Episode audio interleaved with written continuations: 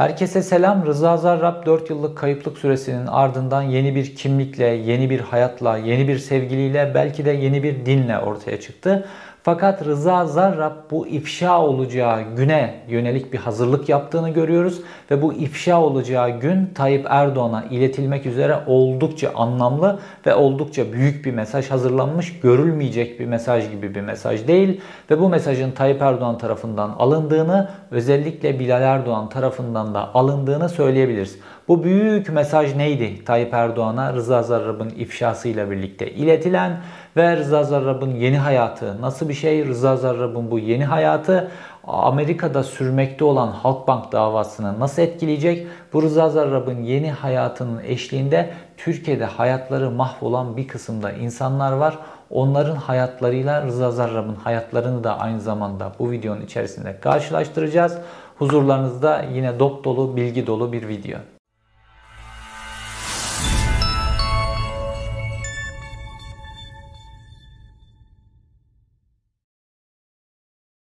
Rıza Zarrab Amerika'ya gittikten sonra Tayyip Erdoğan iki türlü stratejisi ilerledi. Bir Ebru Gündeş üzerinden bir strateji ilerletti. İkincisi Türkiye'nin çıkarlarını Amerika Birleşik Devletleri'ne adeta peşkeş çekerek Amerika Birleşik Devletleri'ne adeta önüne yatarak ne isterseniz veririz diyerek Rıza Zarrab'ı Amerika Birleşik Devletleri'nden almak istedi. Hatta öyle bir hale geldi ki Tayyip Erdoğan Trump'la yaptığı görüş, görüşmelerin neredeyse tamamını Rıza Zarrab konusuna ayırıyordu. Türkiye'nin o kadar çok Amerika Birleşik Devletleri ile meselesi olmasına rağmen mesela en büyük mesele F-35'ler meselesi. Türkiye 1,5 milyar dolar ödemiş. Türkiye'nin hava savunmasındaki en önemli kalemlerden bir tanesi Türkiye'nin hava savunmasının geleceğini ilgilendiriyor. Fakat o görüşmelerde çok az bir yer tutarken Tayyip Erdoğan esas olarak Rıza Zarrab'ın geri getirilmesi ve Halkbank davasının kapatılması ile ilgili Trump'la pazarlıklar yapıyordu ve Trump'a her türlü açık çek veriyordu. Fakat bu başarılamadı. Ebru Gündeş üzerinden de Rıza Zarrab'ın ikna edilip Türkiye'ye getirilmesiyle ilgili bir şey başarılamadı. Dolayısıyla da iki sistem çöktü. Sonrasında yandaş medyada bir haberler görmeye başladık. İşte Milli İstihbarat Teşkilatı Amerika'da operasyon yapacakmış. Rıza Zarrab paketlenip getirilecekmiş ya da orada başına bir işler gelecekmiş filan gibi haberler. Bunların hiçbiri gerçekleşmedi. Süper güç Tayyip Erdoğan filan. Bunların hiçbirisi olmadı ve gazeteci Adem Yavuz Arslan Amerika'da sürgünde yaşayan gazeteci Adem Yavuz Arslan çok önemli bir gazetecilik başarısıyla Rıza Zarrab'ı 4 yıl sonra buldu ve Rıza Zarrab'ın yeni hayatını hepimizin gözlerinin önüne serdi. Ebru Gündeş gitmiş. Carolina isimli birisi gelmiş. Rıza Zarrab böyle daha e, level atlamış, böyle beyaz Amerikalı diyebileceğimiz önemli de bir aileden gelen böyle biniciliğe hevesi olan yeni bir sevgilisi var. Aynı zamanda ismini Aaron Goldsmith yapmış Rıza Zarrab. Yine kuyumculuktan vazgeçmemiş. İşte Goldsmith e, kuyumcu ustası falan gibi bir anlama geliyor. Bu e, mesajından da vazgeçmemiş Rıza Zarrab. İşte Amerika'da at çiftlikleri işletiyor, at bakım merkezleri işletiyor filan.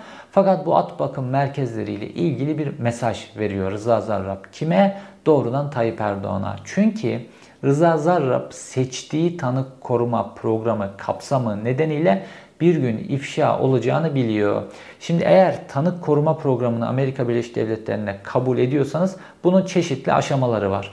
Mesela en sık aşamalardan biri ben kesinlikle işte ifşa olursam hayatım tehlikeye girer, ben öldürürüm. Dolayısıyla beni çok iyi korumanız lazım şeklinde devletle anlaşırsanız devlet alıyor sizi hiç kimsenin ulaşamayacağı bir yere yerleştiriyor. Orada sizin hatta masraflarınızı da karşılıyor.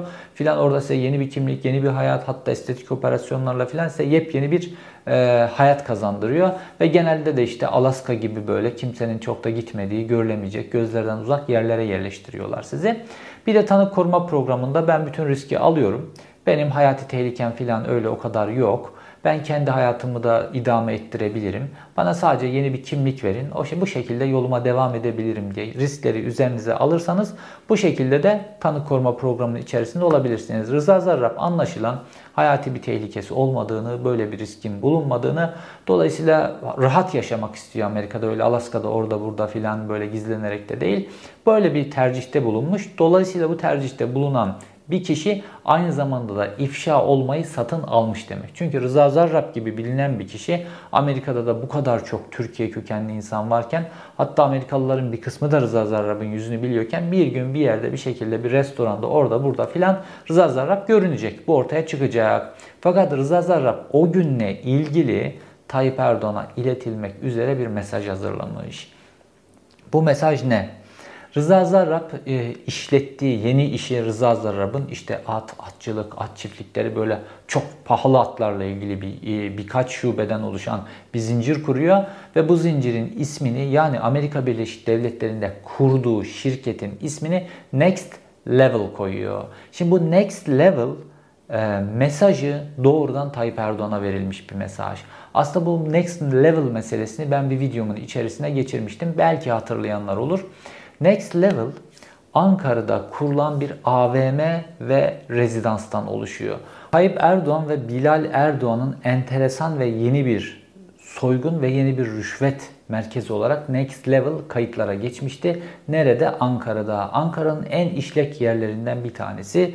İşte Ankara Eskişehir yolu ve Konya yolunun tam kesişme noktası ve şehrin de oldukça iyi bir lokasyonunda karşısında da işte Ankara'nın en lüks alışveriş merkezlerinden bir iki tanesinin bulunduğu bir noktada arkasında da bakanlık binaları var çok yakın merkezlerde. Orada bir inşaat yapıldı. Normalde orası yeşil alan için ayrılmıştı fakat orada yeşil alan statüsünden çıkartıldı ve Fatih Erdoğan ki AKP'li bir milletvekilinin eşi ve aynı zamanda da Tayyip Erdoğan'a ailecek de çok yakın isimler. Hatta Tayyip Erdoğan çocuğu olduğunda Fatih Erdoğan'ın e, doğduğunda Bakanlar Kurulu'nu yarıda bırakıp hastaneye gidip onun çocuğunu ziyaret etmişti. Çünkü Fatih Erdoğan da aynı zamanda Tayyip Erdoğan'ın emek, e, emanetçi iş adamlarından bir tanesi. Pasifik İnşaat'ın yönetim kurulu başkanı. Şimdi Next Level aslında Pasifik İnşaat, Fatih Erdoğan filan bunları yapıyorlar ama esas olarak Next Level Bilal Erdoğan'a ait. Yani doğrudan Erdoğan ailesine ait ki açılışında Tayyip Erdoğan yapmıştı. Ve next level'da şöyle bir sistem yapıldı. Normalde işte iş adamlarından rüşvet falan filan alınıyor. Next Level'ın kendisi doğrudan yeni bir rüşvet modeli olarak yapıldı. Yeni bir soygun modeli olarak yapıldı. Next Level yapılıp inşa edildikten sonra Ankara'daki ben gittim orayı gezdim. Gerek rezidans kısmını gerekse de e, AVM kısmını açılışında gazetecileri davet etmişlerdi. Ben de gitmiştim açılışından bir hafta önce zannedersem. E, ve Gördüğüm en saçma binalardan bir tanesiydi. Böyle üçgen tuhaf bir yer filan. Kullanılmayan alanlar var üçgenlikten dolayı gibi. Neyse burası açıldığında yani satışa açıldığında önünde iş adamlarının araçlarından kuyruk oluşmuştu. Çünkü herkes şunu biliyordu. Burası Bilal Erdoğan'ın, burası Erdoğan ailesinin.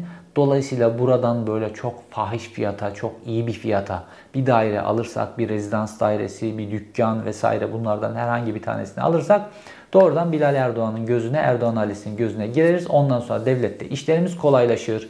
Böyle düşünüyorlardı ki fahiş fiyatlara, Ankara'nın görmediği fiyatlara daireler satıldı. Ne deseler fiyat zaten millet, insanlar, iş adamları verip alıyorlardı. O daireleri aldılar. Ve buradan yüklü miktarda bir para kaldırdı Pasifik İnşaat. Fakat Next Level'ı yaparken Ziraat Bankası'ndan borç alarak inşa etmişlerdi. Kendi paralarını bunlar zaten kullanmaz. Bir yeşil alana çökerler. Sonra orayı inşa etmek için de kamu bankalarından e, kredi alırlar. Yani devletin alanını devletin parasıyla yaparlar. Ondan sonra fahiş karlarını elde ederler. Fakat burada bir ileri boyuta geçildi. Bir fahiş fiyata rüşvet olarak satıldı bu daireler çok yüksek fiyatlara. Bu rüşvetin değişik bir biçimi, yeni modeli. Bu şekilde bu paraları aldılar. Normalde bu paraları aldıktan sonra, bu satışları yaptıktan sonra Ziraat Bankası'na olan 412 milyon borcu ödemeleri gerekiyordu. İnşaat maliyeti olan borcu. Bu borcu da ödemediler. Sonra ne yaptılar biliyor musunuz? AVM kısmı vardı. AVM'de kiraya verdikleri bir dükkan kısımları var AVM'nin. Ki karşısında Armada AVM var. Biraz ilerisinde Çepe AVM var. Ankara'nın en iyi AVM'leri. Biri çok lüks, biri de çok işlek AVM. Dolayısıyla buradaki o e, AVM'nin, Lex Level'ın AVM'sinin tutma şansı yok. Çünkü mimarisi falan berbat bir AVM. Tutma şansı yoktu ve buradaki o kiraya vermek istedikleri dükkanlar tutmadı. Az bir kira vermek istedikleri dükkanlar satmadıkları. Sonra bu 412 milyon dolar borcun karşılığında Bu dükkanları AVM'nin o kısmını Ziraat Bankası'na derrettiler. Yani o rezidans kısmından dükkanların o bir kısmını filan fahiş fiyata satıp bütün paraları ceplerine indirdiler. Sonra da o kredinin karşılığında tutup bunları işlemeyen AVM'nin işlemeyen bölümlerini Ziraat Bankası'na geri çaktılar. Ziraat Bankası da zaten varlık fonunun içerisinde olduğu için oranın içerisine bir batık kredi olarak bu iş girdi ve ellerini yıkayıp oradan birkaç milyar dolar parayla çıktılar ayrıldılar. Şimdi anlaşılan belki de Reza Zarrab da bu next level'da daire almak zorunda kalan kişilerden bir tanesi olduğu için işe işe bakın ki kaderin işine bakın ki Amerika Birleşik Devletleri'nde o kadar isim varken o kadar opsiyon varken Reza Zarrab gelmiş Ankara'daki bu AVM rezidansın ismini almış kendi yeni yatırımına isim yapmış ve at çiftliğindeki o girişe koskocaman next level diye yazmış. Yani mesajı doğrudan Tayyip Erdoğan'a veriyor. Bu ne mesajı? Cash to yukarı mesajı. Peki bu cash to yukarı ne? Bu da son derece önemli bir mesaj. Çünkü 17-25 Aralık operasyonlarında dört bakana Rıza Zarrab'ın nasıl rüşvet verdiğine ilişkin bütün hemen hemen kayıtlar, miktarlar filan ortaya çıktı. Fakat bu cash to yukarı, peşin para yukarıya giden peşin para. Bununla ilgili detaylar tam olarak ortaya çıkmadı. Yani Rıza Zarrab sadece Zafer Çağlayan'a 52 milyon dolar rüşvet veriyorsa bütün bu organizasyonun başında Tayyip Erdoğan'a ne kadar rüşvet verdiğini biz henüz öğrenemedik. Bu bilgiler kimde? Rıza Zarrab'da. Rıza Zarrab bu next level mesajıyla ne diyor? Eğer çünkü özgür yaşamak istiyor Amerika'da kimliği ifşa olacak. O gün geldiğinde bu mesajı al.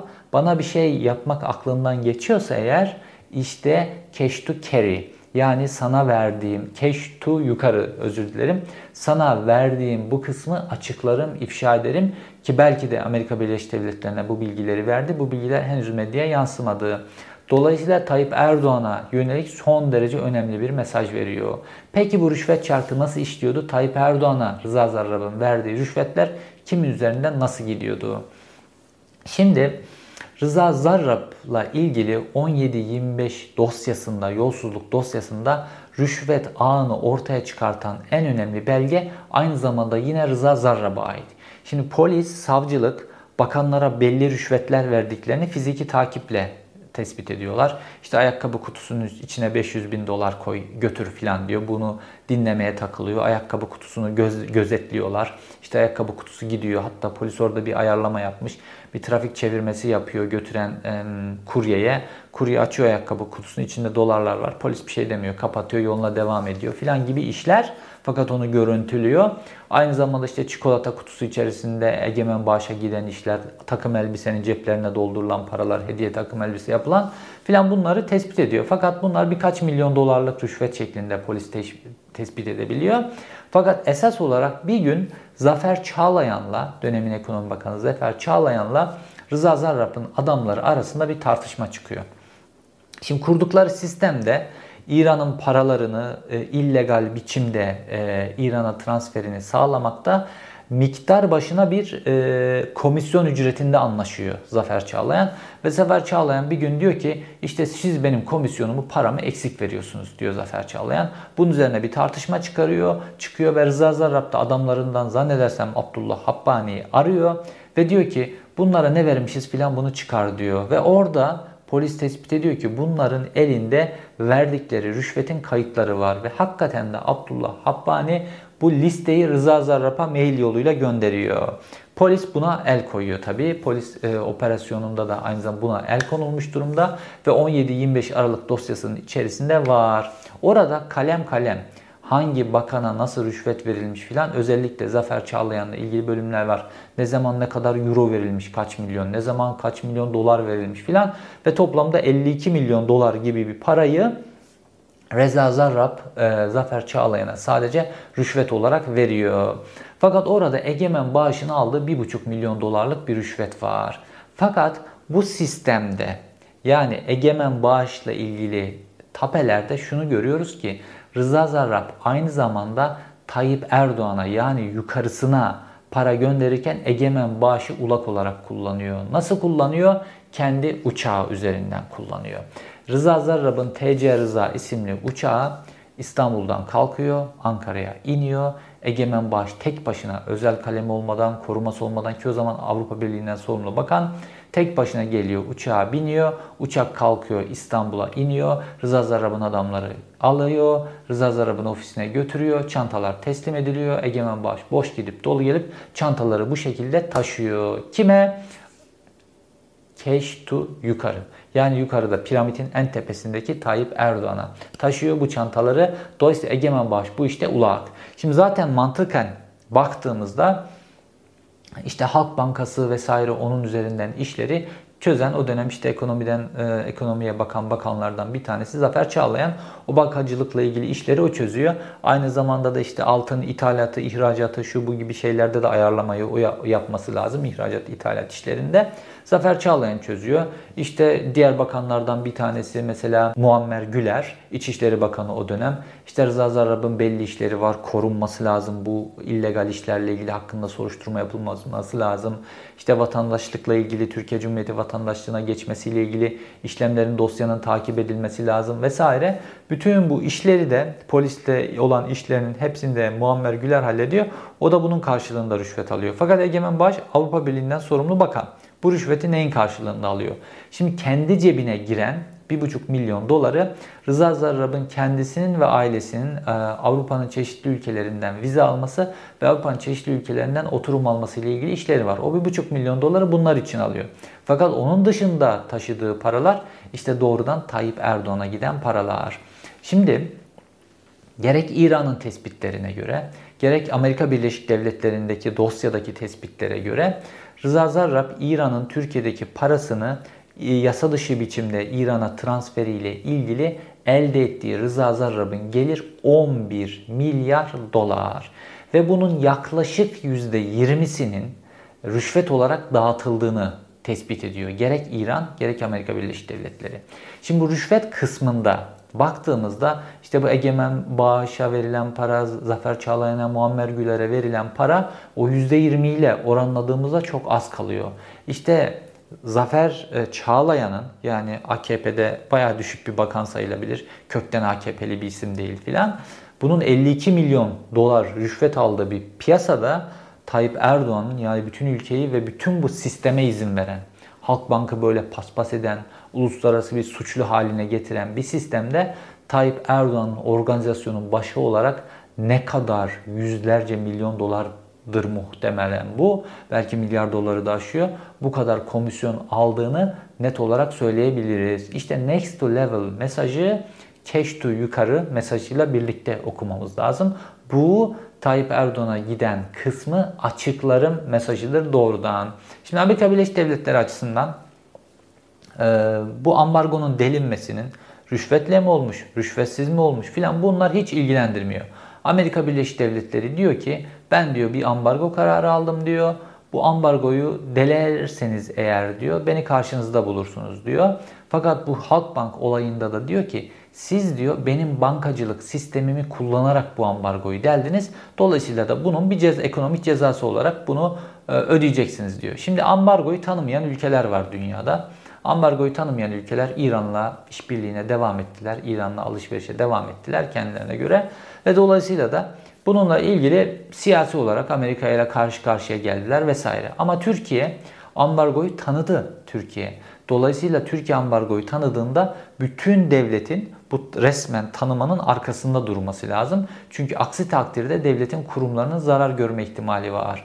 Fakat burada nasıl kuruldu mekanizma? Halkbank önce ambargoyu tanıyorlar. Sonra rüşvetle bu ambargoyu deliyorlar. Dolayısıyla aslında halkın cebine, Halk Bankası'nın cebine girecek parayı kendi ceplerine indiriyorlar.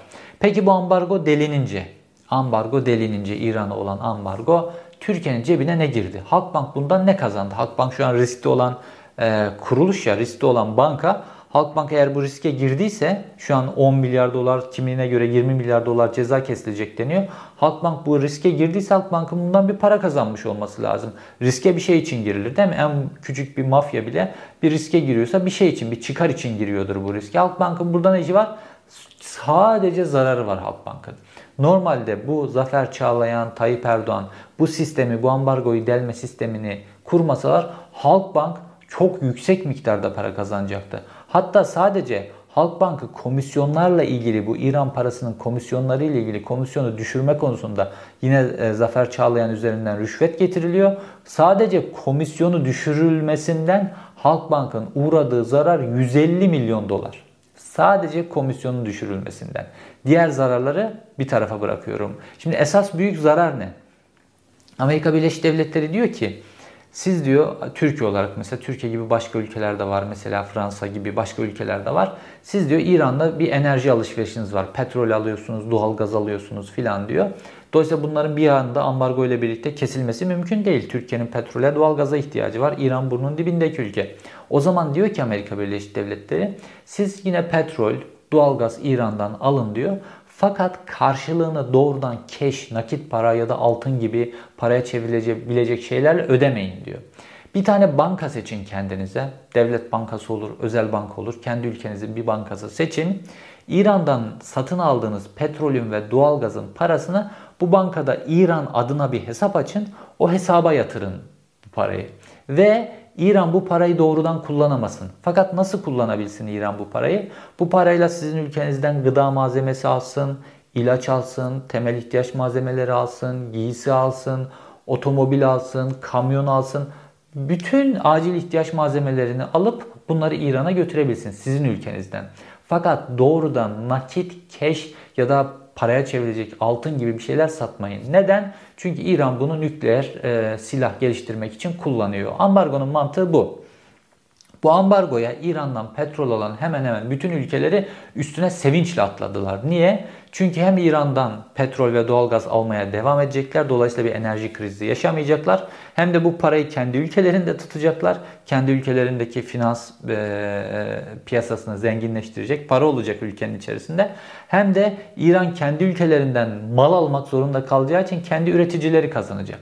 Yani eğer bu para yasa dışı biçimde Halkbank'tan böyle altına çevrilerek filan dolambaçlı yollarla İran'a kaçırılmasına götürülmesine izin verilmemiş olsaydı yani rüşvet alıp bu yolu açmamış olsalardı İran Halk Bankası'nda tuttuğu bu 10 milyarlarca dolar parayla Türkiye'nin çiftçisinden domates alacaktı, Türkiye'nin çiftçisinden meyve alacaktı, Türkiye'den giyim malzemeleri alacaktı, Türkiye'nin ilaç üreticilerinden ilaç alacaktı, Türkiye'de üretilen otomobillerden, otobüslerden alacaktı. Yani Türkiye'deki üretilen pek çok kalem de üreticiye, doğrudan üreticiye milyarlarca dolar akacaktı ve Türkiye çok büyük miktarda vergi geliri elde edecekti. Aynı zamanda aynı zamanda da finans finans piyasamız zenginleşecekti bu paranın Türkiye'de tutulması nedeniyle.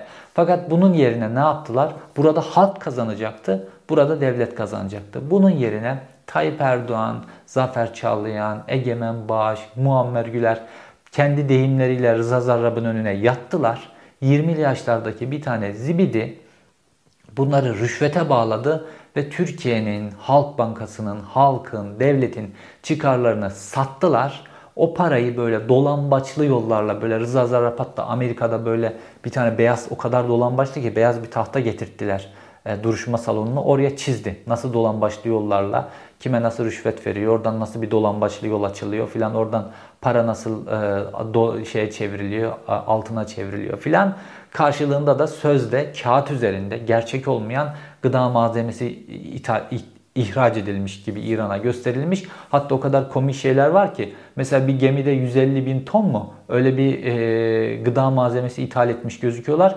Geminin taşıyabileceği 5 bin ton kapasitesi var. 5 bin ton kapasiteli gemide 150 bin ton gıda göndermiş gibi gözüküyorlar. Tamamen hayali ihracat. Esasında bu paralar e, altına çevrildi. Altın üzerinden kaçak yollarla filan İran'a gönderildi. Dolan başlı bir sistem var orada. İşte bunun karşılığında halkı zarar ettirmek, devleti zarar ettirmek, halk bankaları büyük bir riske atmanın karşılığında cepleri dolan tek kişi Tayyip Erdoğan ve bu bakanları. Ne Halk Bankası bu işten para kazandı, ne devlet, ne halk bu işten bir para kazanmadı. Fakat şimdi cezasını yine halk ödeyecek. Nasıl next level'da ceplerini doldurup e, oradan milyarları kazanıp ondan sonra Ziraat Bankası'nın kredisini halkın batık kredi olarak halkın boynuna yükledilerse şimdi Ziraat Bankası o dükkanları da satamıyor. Berbat bir AVM çünkü orası. Halka batık kredi olarak girdiyse bu next level işi aynı zamanda da bu Rıza Zarrab İran'ın paraları filan da şimdi halka aynı şekilde zarar hanesine yazılıyor. Şimdi Halk Bankası hiçbir kar elde edemediği bu halde hani mafya tutup bir suça kalışır. Bunun kar, gidip hapiste bile yatsa mafya der ki ya ben bunun karşılığında bu kadar da malı götürdüm. 3-5 yıl yatar çıkarım filan diye düşünür. Halkbank bu işten zarar etti. Üstüne şimdi bir de 10 milyar 20 milyar dolar Halkbank ceza yiyecek. E ne için yaptı bunu Halkbank? Tayyip Erdoğan ve 4 tane bakanın cebi dolsun diye. Halkbank Genel Müdürü de bu işin içerisinde rüşvet alan evinden işte ayakkabı kutularıyla paralar çıktı ya sözde İmam Hatip yapılacaktı. O İmam Hatip de hiç yapılmadı zaten ayrı konu. Ee, bu şekilde Halkbank büyük bir riskle karşı karşıya ve şimdi Amerika Birleşik Devletleri açısından rüşvetle mi bu e, ambargo bu şekilde delinmiş? Rüşvetsiz mi delinmiş? Yani Amerika Birleşik Devletleri şuna fokuslanıyor. Halkbank benim bankacılık sistemimi kullanıyor uluslararası ilişkilerinde ve benim bankacılık sistemini kullanarak Halkbank ambargoyu deldi. Bunun cezasını ödeyecek diyor. Ve Halkbank da buna itiraz etmişti avukatları yoluyla. İşte bu aslında bir devletin yargılanmasıdır. Dolayısıyla da e, bu yargılama Türkiye'de yapılamaz. Böyle bir şey söz konusu olamaz. Rıza Zarrab'ın kimliğinin ifşa olduğu gün aynı zamanda bununla da ilgili Halkbank'ın yaptığı itirazlar reddedildi. Burada bir devlet e, yargılaması söz konusu değil. Burada bankacılık sistemi yoluyla Amerika Birleşik Devletleri yasalarının dolandırılması filan gibi e, bir gerekçe getirildi oraya.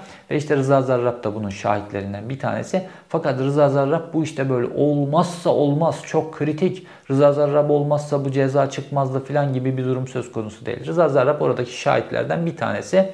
Normalde Halkbank'ın bu çeşit dolan başlığı yollar kullandığını normal finans mekanizmaları içerisinden zaten görülüyor. Dediğim gibi daha büyük net deliller var elde. 5000 tonluk gemiyle 150 bin ton ee, gıda maddesi gönderilmiş gibi komik faturalar var elde. Bunların hepsi de kanıt olarak Amerika Birleşik Devletleri'nin elinde duruyor. Zaten bunları da ispatlayamıyor. Tayyip Erdoğan bunun yerine siyaseten bu sefer Türkiye'nin yeni çıkarlarını peşkeş çekme pahasına e, Amerika Birleşik Devletleri'ndeki bu davayı kapatmaya çalıştı. O olmadı. Bu S-400 meselesini soktu, ilişkileri gerdi, rahibi tutukladı filan bir sürü şey yaptı. Bunların karşılığında yapmaya çalıştı. Bunların hiçbirisi olmadı.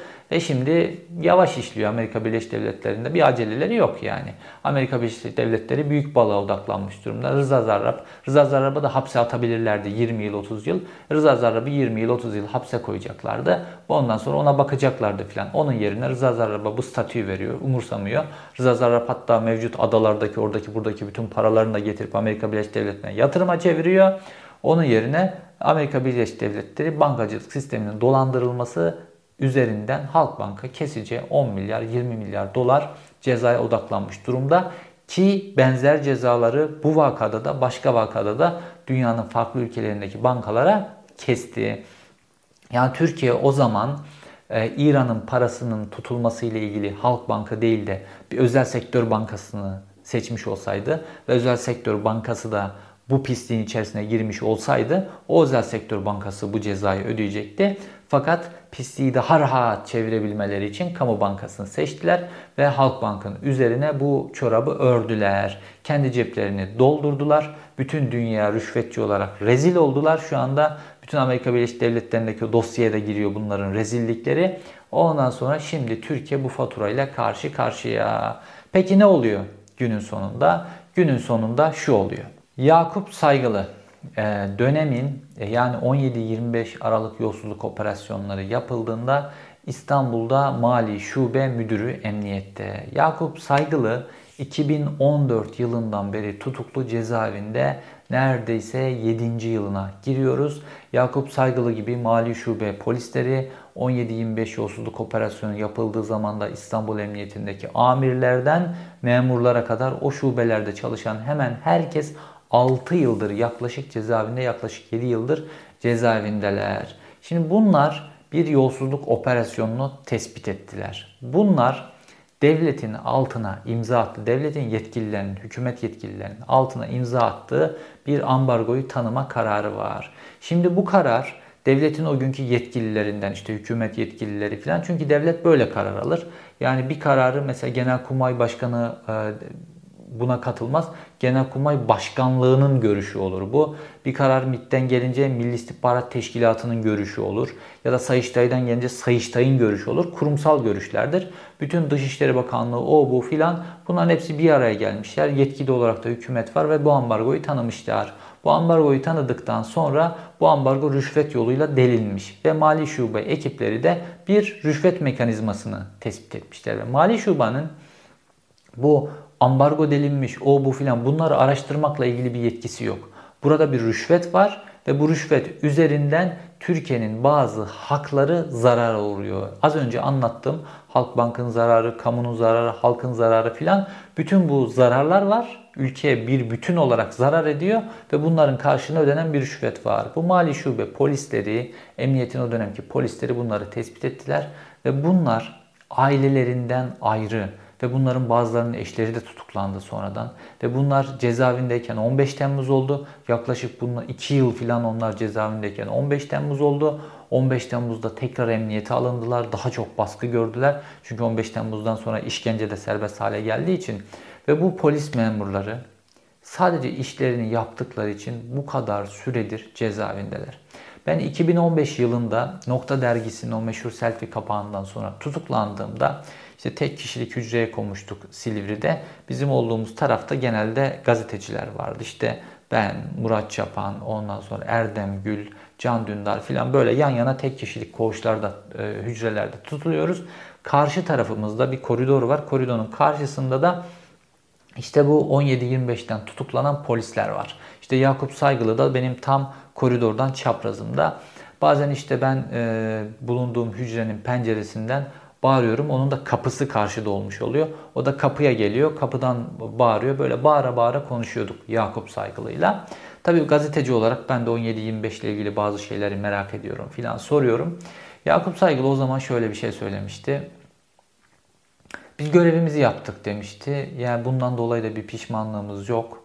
Buradaki arkadaşlar buraya gelirken biz kaçmadık da e, bekledik. Gözaltına alınacağımızı, Tayyip Erdoğan'ın bizi tutuklayacağını biliyorduk. Çünkü 17-25 ile ilgili bir darbe söylemi oturttular. E, bu operasyon yolsuzluk operasyonunun üzerine bastırabilmek için. Dolayısıyla da 17-25'e darbe deyince bizi de tutuklayacak. Tutuklandık biz. Buraya geldik. Ömrümüzün sonuna kadar da burada olacağız belki bilmiyoruz. Yani bu süreçten, o dönem süreç olarak adlandırılıyordu. Bu süreçte en son cezaevinden biz çıkarız diyordu. Çünkü gerçekten de Tayyip Erdoğan'ın bu rejimin nasıl yolsuzluklara battığını net biçimde ortaya çıkardılar. Yani o günden sonra artık Adalet ve Kalkınma Partisi seçmeni dahi bu 17-25 Aralık'ta Rıza Zarrab'ın bunları rüşvete bağladığını, bunların hırsız olduklarını biliyor ve çalıyorlar ama çalışıyorlar söylemi de o günden sonra oturdu. Yani her bir Adalet Kalkınma Partisi seçmeni dahi bunların hırsız olduğuna kanaat getirdi. Çünkü bu operasyon bu kadar net bir operasyondu. Aynı zamanda Tayyip Erdoğan'ın bir halifelik hayalleri vardı dünya çapında. Fakat Orta Doğu halkları, Müslüman halklar filan bütün bu ortaya saçılanlar farklı dillerde yayınlandı vesaire. Baktılar ki Tayyip Erdoğan'da ki o zaman Arap sokağında filan böyle çok rüzgarı var Tayyip Erdoğan'ın. Tayyip Erdoğan da tıpkı kendi diktatörleri gibi hırsız, kendi halkının parasını çalan, rüşvete bağlanabilen bir adam. Bunu gördüler ve Tayyip Erdoğan'ın halifelik hayalleri de aynı zamanda gömüldü. Dolayısıyla Tayyip Erdoğan bu polislerden bunun acısını çıkarıyor kendine göre. Ve fakat burada o zaman Yakup Saygılı ile konuşurken muhalefete de sitem ediyordu. Diyordu ki televizyonda böyle izliyor tabi cezaevinde televizyon var. İzliyorum. 17-25 aralığı o kadar yanlış anlatıyorlar ki böyle. Bizim hazırladığımız polis fezlekelerini dahi okumamışlar. Ve bugüne kadar muhalefet böyle 17-25 aralığı o zaman çok da diline dolamıştı. Bugüne kadar bir tane muhalefet milletvekili gelip de bizi cezaevinde ziyaret edip bu iş nedir diye bizim dilimizden dinlemedi. Biz bu kadar yalnızız. Bu yolsuzluk operasyonunu yaptık. Görevimiz buydu biz. Görevimizi yerine getirdik. Bunun karşılığı bedeli de bu. Bunu da ödüyoruz. Fakat bu kadar da yalnızız. Muhalefet tarafından bile yalnız bırakılmışız diyordu. Ee, Yakup Saygılı ve en son cezaevinden biz çıkarız diye söylüyordu Yakup Saygılı. Ve hakikaten de baktığımızda muhalefet tarafından da herkes tarafından da bu insanlar yalnız bırakıldılar. Onlar 7 yıldır cezaevindeler. Fakat bu rüşvete bağlayan siyasileri ve memurun bahşişini ne hatta daha aşağılık bir cümle e, fahişeyle memurun bahşişini peşin vereceksin diye bir cümle kuran Rıza Zarrab şu an Amerika Birleşik Devletleri'nde kendine e, Aaron Goldsmith diye bir isim koymuş. Bir işte Yahudi ismi.